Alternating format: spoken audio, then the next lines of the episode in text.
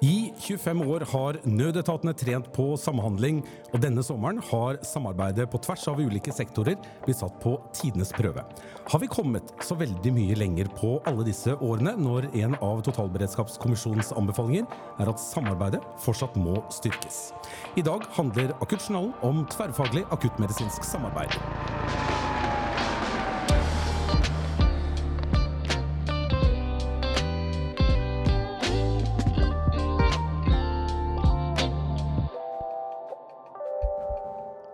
Er ekstra hyggelig å ønske velkommen til denne episoden av Akuttjournalen. For første gang så spiller vi inn en episode med publikum i salen. Og det gjør vi fordi TASS-konseptet er 25 år, og vi har samlet det meste av nødetatene her på Hønefoss til en spesiell markering. Men før vi skal snakke om hvordan TASS har vært med å endre samvirketankegangen, så skal vi bare minne deg om at eh, ved å abonnere på vårt nyhetsbrev, så får du relevant faglig informasjon rett i mailboksen din. Og du melder deg på enten ved å klikke på linken du finner i episodebeskrivelsen, eller ved å sende en SMS til 09044. Og så merker du den med kodeordet 'fag' og din egen eh, mailadresse. Vi skal ta imot vår første gjest, som er et kjent navn for veldig mange og en tydelig politifaglig stemme. Som i over 35 år har snakket varmt om behovet for å samhandle. Og undervist i TASS-konseptet. Her er Bjørn Danielsen.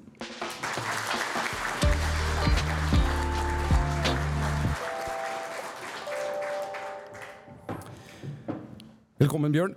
Takk skal du ha. Du, eh, I en kronikk i juni så stiller du store spørsmålstegn ved kvaliteten ved samhandling. Hva er det som ikke er godt nok, slik du ser det?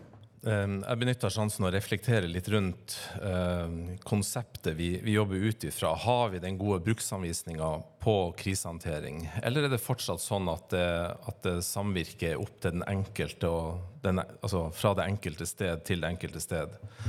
Uh, og det tror jeg mye det er. Vi, vi er fortsatt veldig sektorbasert i nødetatene. Uh, og mest opptatt av egen rolle. Men når vi er så ulikt rigget som, som det man er, at det er uh, politi tenker sitt, helse tenker sitt og brann på en måte tenker sitt, hvordan skal vi da klare å samhandle på en god måte? Jeg tenker jo at TASS-konseptet har vært en, en viktig premissleverandør for samvirket mellom nødetatene nå i, i faktisk 25 år.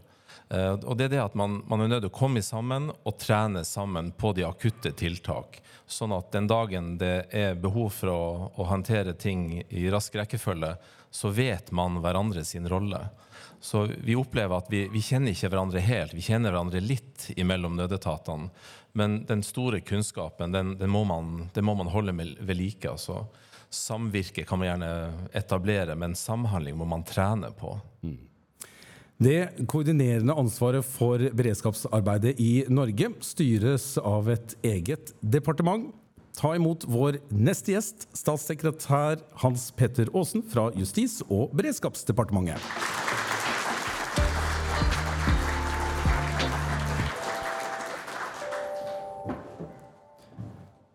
Hans Petter, hvor godt mener du som politiker vi er rustet til å møte store kriser i Norge? På det store spørsmålet så vil jeg egentlig si at i Norge har vi en god grunnberedskap. Men det er fortsatt områder som må forbedres, og som det må jobbes med. Og det har på en måte vist seg gjennom flere store hendelser de siste åra. Vi har en organisasjon som viser at vi tar læring av tidligere hendelser. Det er veldig bra. Vi tar lærdom av hvordan vi håndterte pandemien. Vi tar lærdom av hvordan håndteringen av raset på Gjerdrum ble håndtert. Eh, vi kan gå lenger tilbake, eh, til 2011, sommeren da. 22. Eh. Og så jeg vil i likhet med det totalberedskapskommisjonen nå peker på, si at vi har en god grunnberedskap. Men det kan være behov for å gjøre noen justeringer. Mm. Hvor mye ble vi beredskapsmessig tatt på senga da, i forhold til Hans, eksempel, som bl.a. her på Hønefoss uh, bet ordentlig fra seg? Ja, Eh, og den rammet jo både tettbefolka områder og områder hvor det er litt mer eh, avstand mellom der folk bor. Eh, og så var hans også mangfoldig. Én ting er at vannet steg noen steder. Men eh, det gikk også ras på steder man kanskje ikke hadde trodd at det skulle gå ras. Eh, jeg, dette skal jo nå evalueres, og man skal se på hvordan man har håndtert det. Men hovedinntrykket etter å ha vært i mange av disse kommunene, er at veldig mye har fungert. Mye har fungert. Man har hatt god lokalkunnskap, man har hatt gode planer. De som sitter på ulike stoler i beredskapsarbeidet, kjenner hverandre. Og det har mange steder vært en suksessfaktor. Men veldig mange mennesker har blitt berørt. Og, og hele det scenarioet med Hans, det er jo noe vi må forberede oss på, dessverre, at kan skje oftere i fremtiden som en følge av endra klima. Og da må vi tilpasse beredskapen vår etter det. Mm. To som samhandler i det daglige, og som underviser nødetatene i TASS-konseptet, er Mattis eh, Hamborg, innsatsleder i politiet, og Håvard Larsen, paramedic i ambulansetjenesten i Vestre Viken. Ta godt imot TASS-instruktørene våre.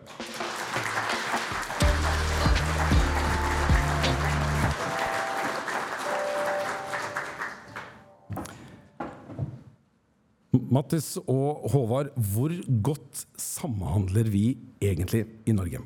Ja, Jeg kan jo prøve å svare litt uh, på det. Jeg tenker at det med samvirke det er uh, både lett og det er komplekst. I det daglige så ser vi nok at både samvirke og samhandlingen vår i de enkle dagligdagse hendelsene, de, de håndterer vi veldig godt. Og så er det som eh, Hans Petter er inne på, i de litt mer komplekse og sammensatte hendelsene, litt større hendelsene, så blir vi satt eh, på prøve. Og da viser jo evalueringer at vi, vi faller litt uh, igjennom. Og så er det jo litt det som vi tradisjonelt har tenkt på som samvirke, som også Totalberedskapskommisjonens rapport utfordrer oss litt eh, på. Det vi stort sett eh, tenker på, er jo ofte samhandlinga mellom nødetatene og kanskje frivillige. Men det vi ser nå med den totale beredskapen, eh, så må nok vi utvide vår horisont og tenke også mot kommune, mot statsforvaltere, mot private aktører, som også er en del av dette her. Og Det har vi også sett nå under Hans, så er jo nettopp det kommunen og statsforvalternivået er jo premissleverandører for at det skal gå så bra som det, som det gjør. Hvor stor er utfordringen, eller hvor er utfordringen størst sett fra ditt ståsted, Håvard, som paramedic? Ja, nå tror jeg egentlig Mattis har vært inne på en god del allerede. Men uh, man skal vel ikke egentlig ha vært på så mange hendelser eller lest så mange rapporter i etterkant før man ser at det, ledelse og kommunikasjon går igjen. Og det på det enkeltmannsferdigheter så er vel de fleste inne i de forskjellige etatene veldig flinke. Men det er litt det der med å Hvordan samhandler vi? Hva skal vi gjøre når vi møtes i, i ko? En kokebok der, det, det mangler vel egentlig.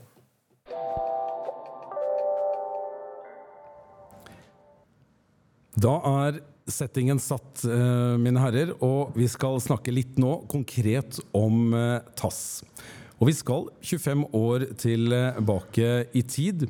Bjørn, en høstnatt i 1993 så rykker du ut på en alvorlig trafikkulykke mellom en taxi og en bil med ungdommer. Det er kanskje to biler, eh, slik jeg har blitt eh, fortalt. Det er snakk om hardt skadde personer, og du melder inn behov for både lege og helsepersonell, men eh, det kommer ingen legebil. Fortell oss, hva ble den store utfordringen for deg denne natten? Eh, det var en ganske vanskelig case. Eh, til tross for at den var veldig nært både sykehus og legevakta i Tromsø, så hadde vi ikke noe legebil. Vi hadde ingen utrykningssystem med å få medisinsk personell ut fra sykehuset. Så da var de som var fastklemt i bilen, de var prisgitt kompetansen til oss fra politiet og brann og helse som kom til stedet. Og på den tida var det sånn at det var brannvesenet som drev ambulansetjenesten. Eh, så det var egentlig tilkallingsmannskaper som kom ut med ambulansen. Så det vi opplever på stedet her, det er jo at vi egentlig drar i hver sin arm, hver sin retning, Eh, vi holdt på i timevis på skadestedet for å få løs de ungdommene som satt fastklemt. Og det gikk så langt at, eh, at vi fra stedet ber vaktsjefen i politiet om å benytte sin beordringsrett til å beordre ut helsepersonell fra sykehuset. Fordi at vi så at disse kommer til å dø hvis vi ikke får gitt dem adekvat akuttmedisinsk behandling på stedet. da. Uh, og han gjorde jo det han kunne for å, å, få til at vi får ut helsepersonell. Jeg vet til og med at noen taxier som var på stedet, de hørte at vi snakka om det, så de, de, la kursen innom legevakta og tenkte at nå kan de få en tur derifra. Uh, men det kom ingen ut. Det var ingen system på det. Så en av de som er fastklemt, 17-årige Silje, hun dør i trafikkulykka. Og så underveis mens vi holder på her, så oppdager vi jo at hun er faktisk dattera til vaktsjefen i politiet. Så det var ganske sånn heftig sak å stå i der og da, ja. Og den natten, da plantes tanken og frøet, tassfrøet, på en måte i, hos deg? Ja, jeg hadde jo hørt litt om, eh, om et prosjekt som stiftelsen Norsk Luftambulanse hadde bl.a. i Bergen hvor de jobba opp imot eh, Det var mye russebilulykker i Bergen på den tida. Så Region Vest hadde, hadde, dratt i gang det som da heter helhetlig akuttmedisinsk eh, tjeneste, som de testa ut. Eh, og Vi var og så på det prosjektet og, og fant ut at vi må egentlig dra det enda lengre.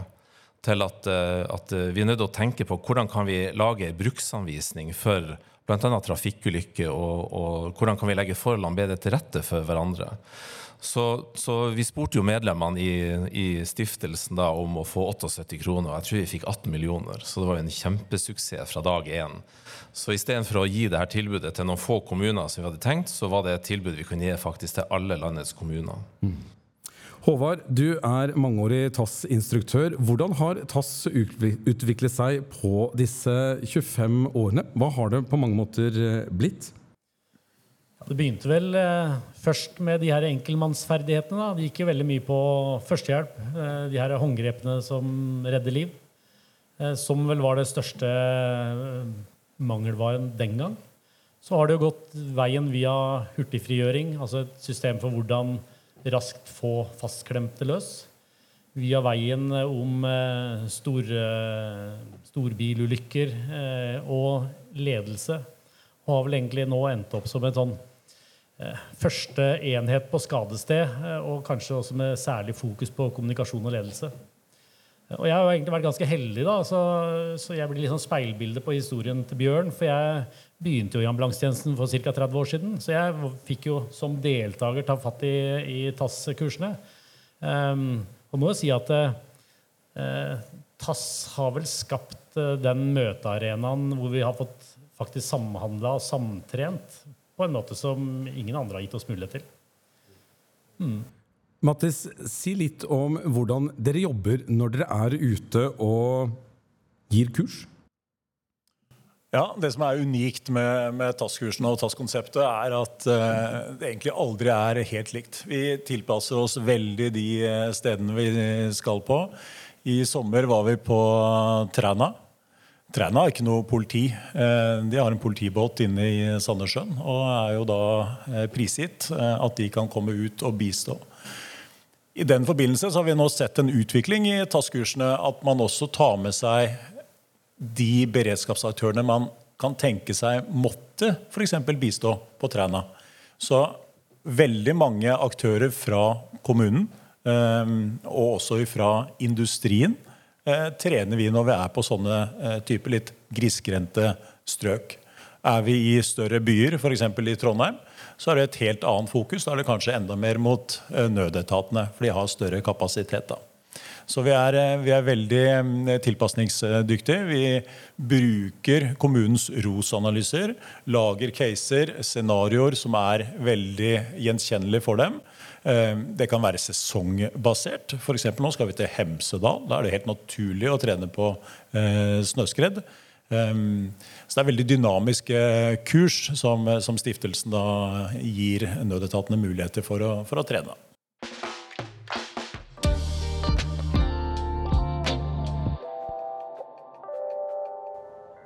Som Totalberedskapskommisjonen skrev i sin rapport som kom i juni, så er det altså helt tydelig et behov for å, å, samhandle. Men hvor stort er behovet for at man øver på tverrfaglig akuttmedisinsk samarbeid? Vil dere si, mine herrer? Nå er det litt uh, ta ordet.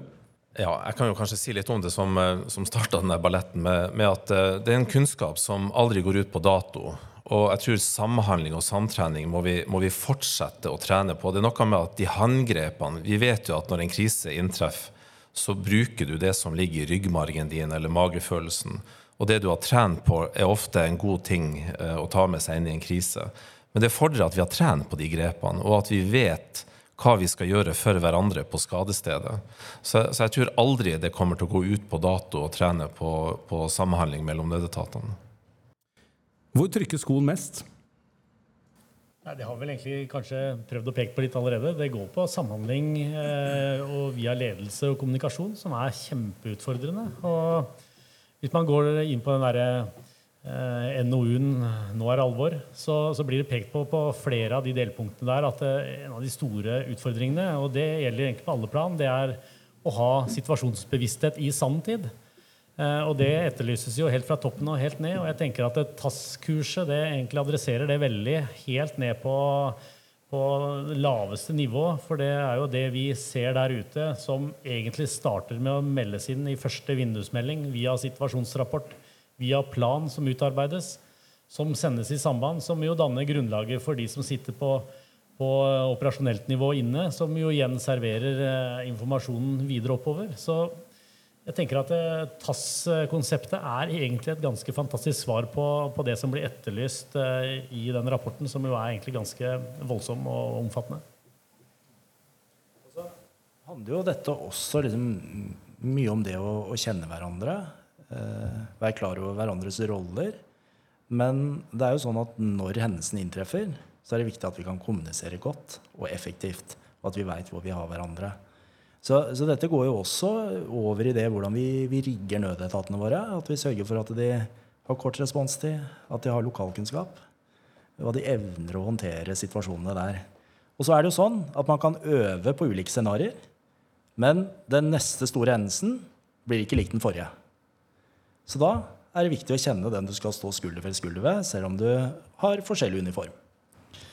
Jeg tenker, eh, Hans Petter, Når du først griper ordet, så skal du få lov til å si litt til. fordi mye av det å øve handler også om økonomi. Uh, selvfølgelig mye om tid, men, men, også om eh, økonomi. Og det er jo ditt departement som på mange måter styrer og åpner pengesekken litt for enkelte av etatene. Hvor mye penger bruker vi i dag på den norske beredskapen? Det er et kjempestort spørsmål som det ikke er mulig å nevne en sum på, fordi beredskapsarbeid handler om veldig mange etater. Det handler om vår egen beredskap som personer. Det handler om hvordan kommunene planlegger for hendelser, de kommunale budsjettene. De har ansvar for brann- og redningstjenesten, som et eksempel. Og så er det nødetatene, som er de skarpe spissene. Eh, men så bruker vi eh, også vel anvendte og helt nødvendige penger på de frivillige organisasjonene. For i Norge så er beredskapen faktisk helt avhengig av samspillet mellom veldig mange ulike aktører. Det er vår styrke. Altså, Den norske modellen gjør at vi har en god grunnberedskap i hele landet med et samspill. For dette er oppgaver som staten ikke kan greie aleine. Men det brukes mye penger. Det, det, det, er blitt en betydelig økning som, som, en følge av den situasjonen vi nå ser i Europa. Så må man tenke helt nytt, prioritere annerledes enn det man har gjort. Eh, så eh, det kommer til å bli brukt mye eh, mer også på dette. Men det handler ikke bare om penger. Det handler også om en situasjonsforståelse og en kultur og en organisasjon som evner å se hva hva kommer i fremtida? Bruker vi nok? Eh, eh jeg tror at eh, det, det, er et spørsmål som eh, alle som jobber ute, alle som håndterer dette, eh, ser sikkert at det kan være et større behov. Men jeg tror også at alle erkjenner at vi må se på hvordan vi løser oppdragene. Eh, og, og se på hvordan vi blir bedre til å løse dem. Så, så det er et sammensatt svar på det, det spørsmålet. Men i hvert fall eh, regjeringen eh, er villig til å bruke penger på dette, for det handler om trygghet. Det handler om at Norge skal være et trygt land. Både for det som eh, eh vi kan vente at skjer, men, men også for det uforutsigbare. Men da hører du jo Håvard si her at eh, behovet for å trene er absolutt til stede. Og det står jo også i, i, rapporten som vi har nevnt allerede. Eh, hvor mye mer penger tenker du man må bruke på beredskapen da, for å kunne få tid til å øve? Ja, altså det er jo viktig da å legge til rette da, for arenaer hvor de kan møtes. Eh, og det er det ikke nødvendigvis bare staten som skal legge til rette for. Altså TAS er jo et annet eksempel, hvor en annen veldig viktig aktør tar den arenaen og, og, og, fyller det rommet. Og det er, ikke, det er ikke sikkert slik at eh, staten skal drive med alt. Men, eh, men dette er jo noe av det vi nå må, må, se i sammenheng når vi følger opp Totalberedskapskommisjonens rapport. Eh, eh, Politihøgskolen har igangsatt én arena hvor man møtes på tvers av yrkesgrupper som et felles studie det er én arena hvor man kan bygge en felles kultur og situasjonsforståelse. Eh, og det kan være også andre arenaer som man bør rigge i, i fremtiden. Justisdepartementet og ansvar for Hovedredningssentralen, som er en nøkkel i norsk redningsberedskap. Som også har eh, mye kompetanse og kan danne arenaer på dette området. Mattis, jeg har lyst til å, å, høre med deg. Hva er det du tenker, sett fra din rolle i, som innsatsleder i politiet, hva, hva, er det som hindrer nødetatene i å øve mer enn det man gjør i dag? Nei, Jeg hører jo Hans Petter, og Hans Petter han utfordrer oss også på en god måte. Eh, det må være vilje ute i ytre etat til å trene. Eh, vi må også se på egen eh, kultur i forhold til det å trene og øve. Vi har mange prioriteringer. Beredskap og trening det er også en, en, en prioritering. Um, allikevel så, så, håper jeg at det er uh, vilje også politisk til å komme med enda flere føringer um, på at det skal uh, trenes. Og Det sier jo Totalberedskapskommisjonen også, at uh, dette må på plass. Um, og da er det jo litt merkelig for oss som er i førstelinje, at det blir valgt bort. Og det, har jeg også skjønt Hans Petter, at det blir jo borte eh, på veien et eller annet sted mellom de som eh, sier at det er et behov, eh, og for oss som da opplever et behov. da. Så mm, det er nok mange som må gå i seg sjøl for å sørge for å trene og øve, øve, mer. Men det er ikke noe tvil om at TASS det, det, mm, det, vil nok ha en rolle og funksjon i mange mange år framover som en av mange viktige arenaer. Jeg bare lyst til å replisere på det at uh, politiet, som Mattis representerer, har jo veldig mange oppgaver. Uh, vidt spenn i oppgaver som skal løses som en del av samfunnsoppdraget. Så uh, innenfor den etaten og andre så er det jo krevende prioriteringer hver eneste dag som skal tas. Så må man da tenke hva, hva er viktig på sikt. Jeg lærte av en, eh, en eh, offiser i Forsvaret. Han sa det at du trenger ikke å ligge i telt for å øve. Og det er litt det vi eh, også må ta med oss, at vi kan trene og øve også mye i, i hverdagen. Du nevnte jo også studiet på Politihøgskolen nå. Dette tverrfaglige studiet på, på tvers av nødetatene, som også kommer til å bli en viktig arena. Um, og Der er også stiftelsen og TAS-konseptet også en viktig medspiller i det, i det um, studiet der.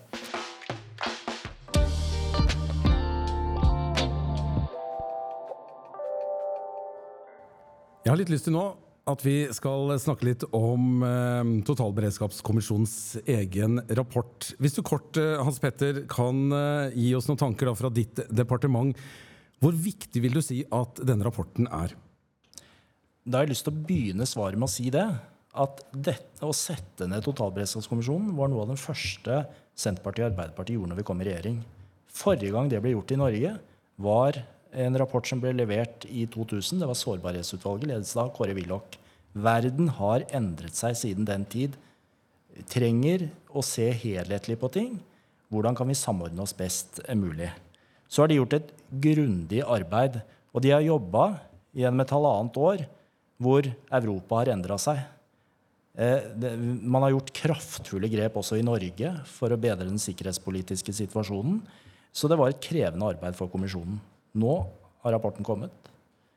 Eh, høringsfristen gikk ut i, i, i forrige uke. De, de, beskriver at vi må ruste oss for noe vi kanskje ikke hadde sett for oss for noen år siden. Men de peker også på det at det er en god grunnberedskap i Norge tross alt, men at man er helt avhengig av samspillet. Så, så det er en viktig rapport? Vet du hva? Den eh, rapporten er viktig i dag, og den kommer til å bli viktig i lang tid fremover. For dette er noe alle kommuner bør ta med seg, alle etater. Dette må brukes som et verktøy i å øke forståelsen for beredskapstenkning og beredskapsarbeid i hele Norge. Denne rapporten er en god lærebok i den sammenheng. Og så er det ikke sikkert eh, Det kan være mange måter å løse enkelte av elementene i rapporten, men, men dette er et uh, grundig arbeid. Bjørn, du har sagt at uh, på tross av at 29 000 uh, personer i, i, nødetaten har vært igjennom TASS-opplæringen, så er det fremdeles mye silotenkning. Du, du var jo inne på det innledningsvis også. Hva, hva er det du legger i det? Jeg har jo de tre siste årene vært prosjektleder for felles etter- og videreutdanninger ved Politihøgskolen. Det prosjektet som var nevnt her, som var et spleiselag mellom tre direktorat og to høyskoler. Og da ser vi det at vi, vi tror vi kjenner hverandre på tvers. Vi, men vi har veldig ulik struktur. Så som rent konkret så ser vi på når man møter ved felles utdanninger, så har noen av etatene dekt alt. De har dekt reise, opphold, de får fri fra jobben sin, mens andre må ta opp lån og be om ferie for å ta et studie som går på, på egentlig samfunnssikkerhet og beredskap.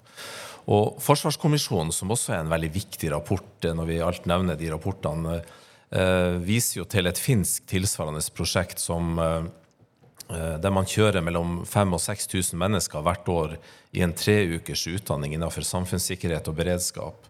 Så, så, jeg vil jo egentlig sparke ballen litt tilbake igjen, både til Justisdepartementet og Eh, og, og den politiske ledelsen, det her med å se helheten, med at selv de som er fra Røde Kors og Folkehjelp, har en viktig rolle å fylle i en totalberedskapssetting. Uh, og så har jeg veldig tro på at uh, man må trene med de som skal fungere i lag i en krise. Så kanskje skulle uh, stiftelsen gått inn i et samarbeid med landets universiteter og høyskoler for å få det her til å bli et lokalt prosjekt, for å få opp tallet. Altså 29 000 er et et anselig tall, men jeg tror det er potensial for å kjøre det enda høyere. Vi hadde 500 søkere på tre studier nå når vi lyste ut uh, disse studiene ved Politihøgskolen, og det viser jo noe om uh, interessen rundt uh, tverretatlig utdanning.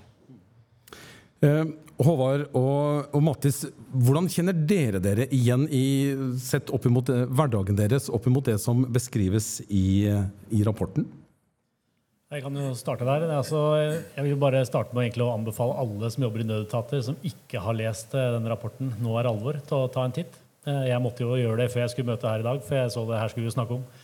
Eh, og der står det utrolig mye bra. Det er helt riktig som Hans Petter sier, at her er det noen som har gjort en grundig jobb. Sånn at det, Å starte der, det tror jeg er veldig lurt. Og så, hva kan vi gjøre? Jeg tror Bjørn snakker litt om silotenking, og det det tror jeg er noe vi må klare å bryte ned. Bare hvordan, hvordan leder vi? Altså, Politiet har en, ett system, eh, brann har ett system, og helse har kanskje flere systemer. Eh, og det gjør at når vi møtes og skal sy dette her sammen, så, så går ikke dette her hånd i hanske. Så vi er nødt til å og dette bør kanskje skje på toppen. altså Man er nødt til å, å ta noen valg på, på, hvordan gjør vi det, og, og bli enige om et system som føres inn i grunnutdanninger. Det tror jeg vil være et smart grep. Åssen er det med deg, Mattis? Nei, jeg, jeg, tenker at uh, For det første, rapporten er, uh, den er veldig god. Uh, samtidig så, så, opplyser den meg om at det er, det er mange hull, også med min egen utdannelse og med min egen kompetanse. Noe som gjør at hvis vi som er satt i førstelinje til å håndtere de hendelsene her, så må vi også ha et system som gjør at vi får trening og øving til å håndtere det. Fordi når du ser på de siste års hendelser med flyktningkrise, vi har pandemi, vi har pågående krig, vi ser at eh, samferdselsøvelsene hendelsene våre, eh, maritime ulykker osv. blir større, mer komplekse. Eh, vi utfordres stadig. Eh, og den neste hendelsen, eh, og den verste hendelsen, den har vi nok ennå ikke sett. Så jeg vil jo utfordre eh, både meg sjøl, eh, men også de som eh, kan legge til rette og sørge for. For det, vi, vi, må lokke opp øya våre litt, eh, litt nå. Eh, jeg er helt enig om at det er ikke brann, helse og politi som skal håndtere alt. Ehm, når du ser grunnberedskapen, så, så, innebærer det som jeg sa i sted, det er kommune, det er statsforvalter, det er Forsvaret, det er frivillige. Eh, til og med sykehjemmene eh, osv. er beredskap eh, som jeg er nødt til å ha noen tanker om hvis jeg skal håndtere disse hendelsene også.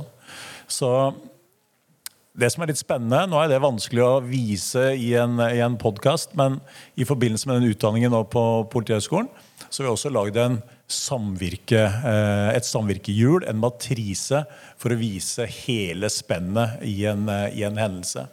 Og der utfordrer vi nå innsatslederne veldig. Um, og mange forstår nok ikke helt at man er en, er en del av et så stort samvirke. Og det har vi fått sett litt også under Hans. Så tror jeg Et veldig viktig element i, i norsk beredskapstenkning er at vi må eh, ta tak i det som ikke fungerer, men ikke nødvendigvis snu opp ned på det som faktisk funker. For det er så utrolig mye som funker. Og hvis man begynner å snu opp ned på ting og skal eh, gjøre, gjennomføre store ting, så mister man gjerne noe på veien. Og, og sånn leser jeg i hvert fall denne rapporten. Ja, det er behov for å eh, gjøre forbedringer. Eh, men mange grunnstrukturer er gode og betryggende og ligger fast. Så, så, dette blir et spennende arbeid framover som regjeringen tar på største alvor.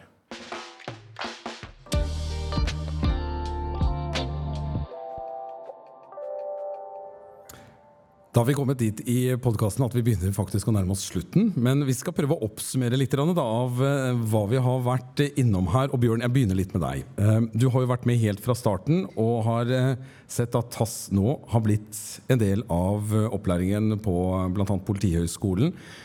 Likevel, hva vil du si? Litt kort, hva er læringspunktene vi må tenke på?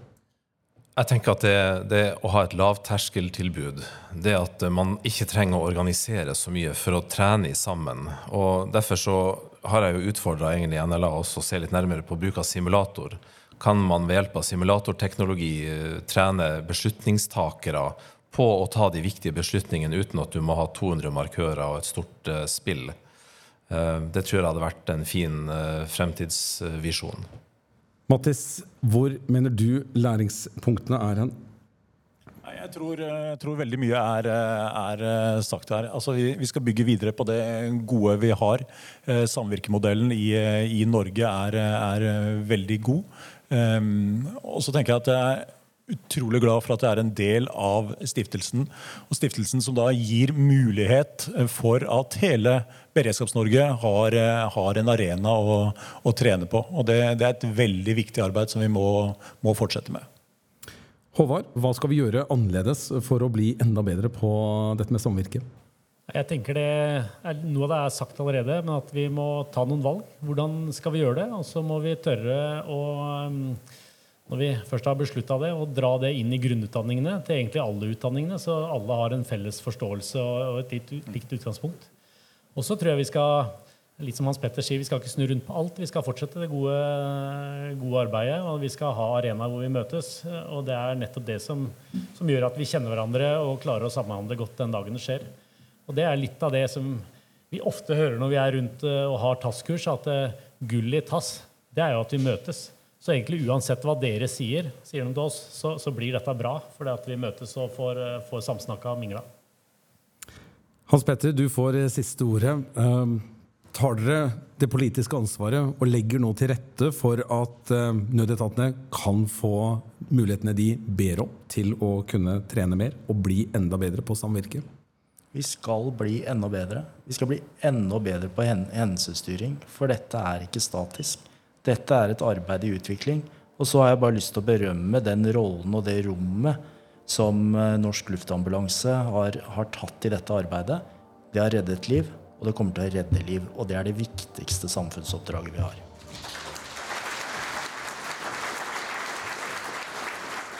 Du har lyttet til en fagpodkast fra stiftelsen Norsk Luftambulanse, spilt inn på Hønefoss i forbindelse med 25-årsmarkeringen for TASS-konseptet.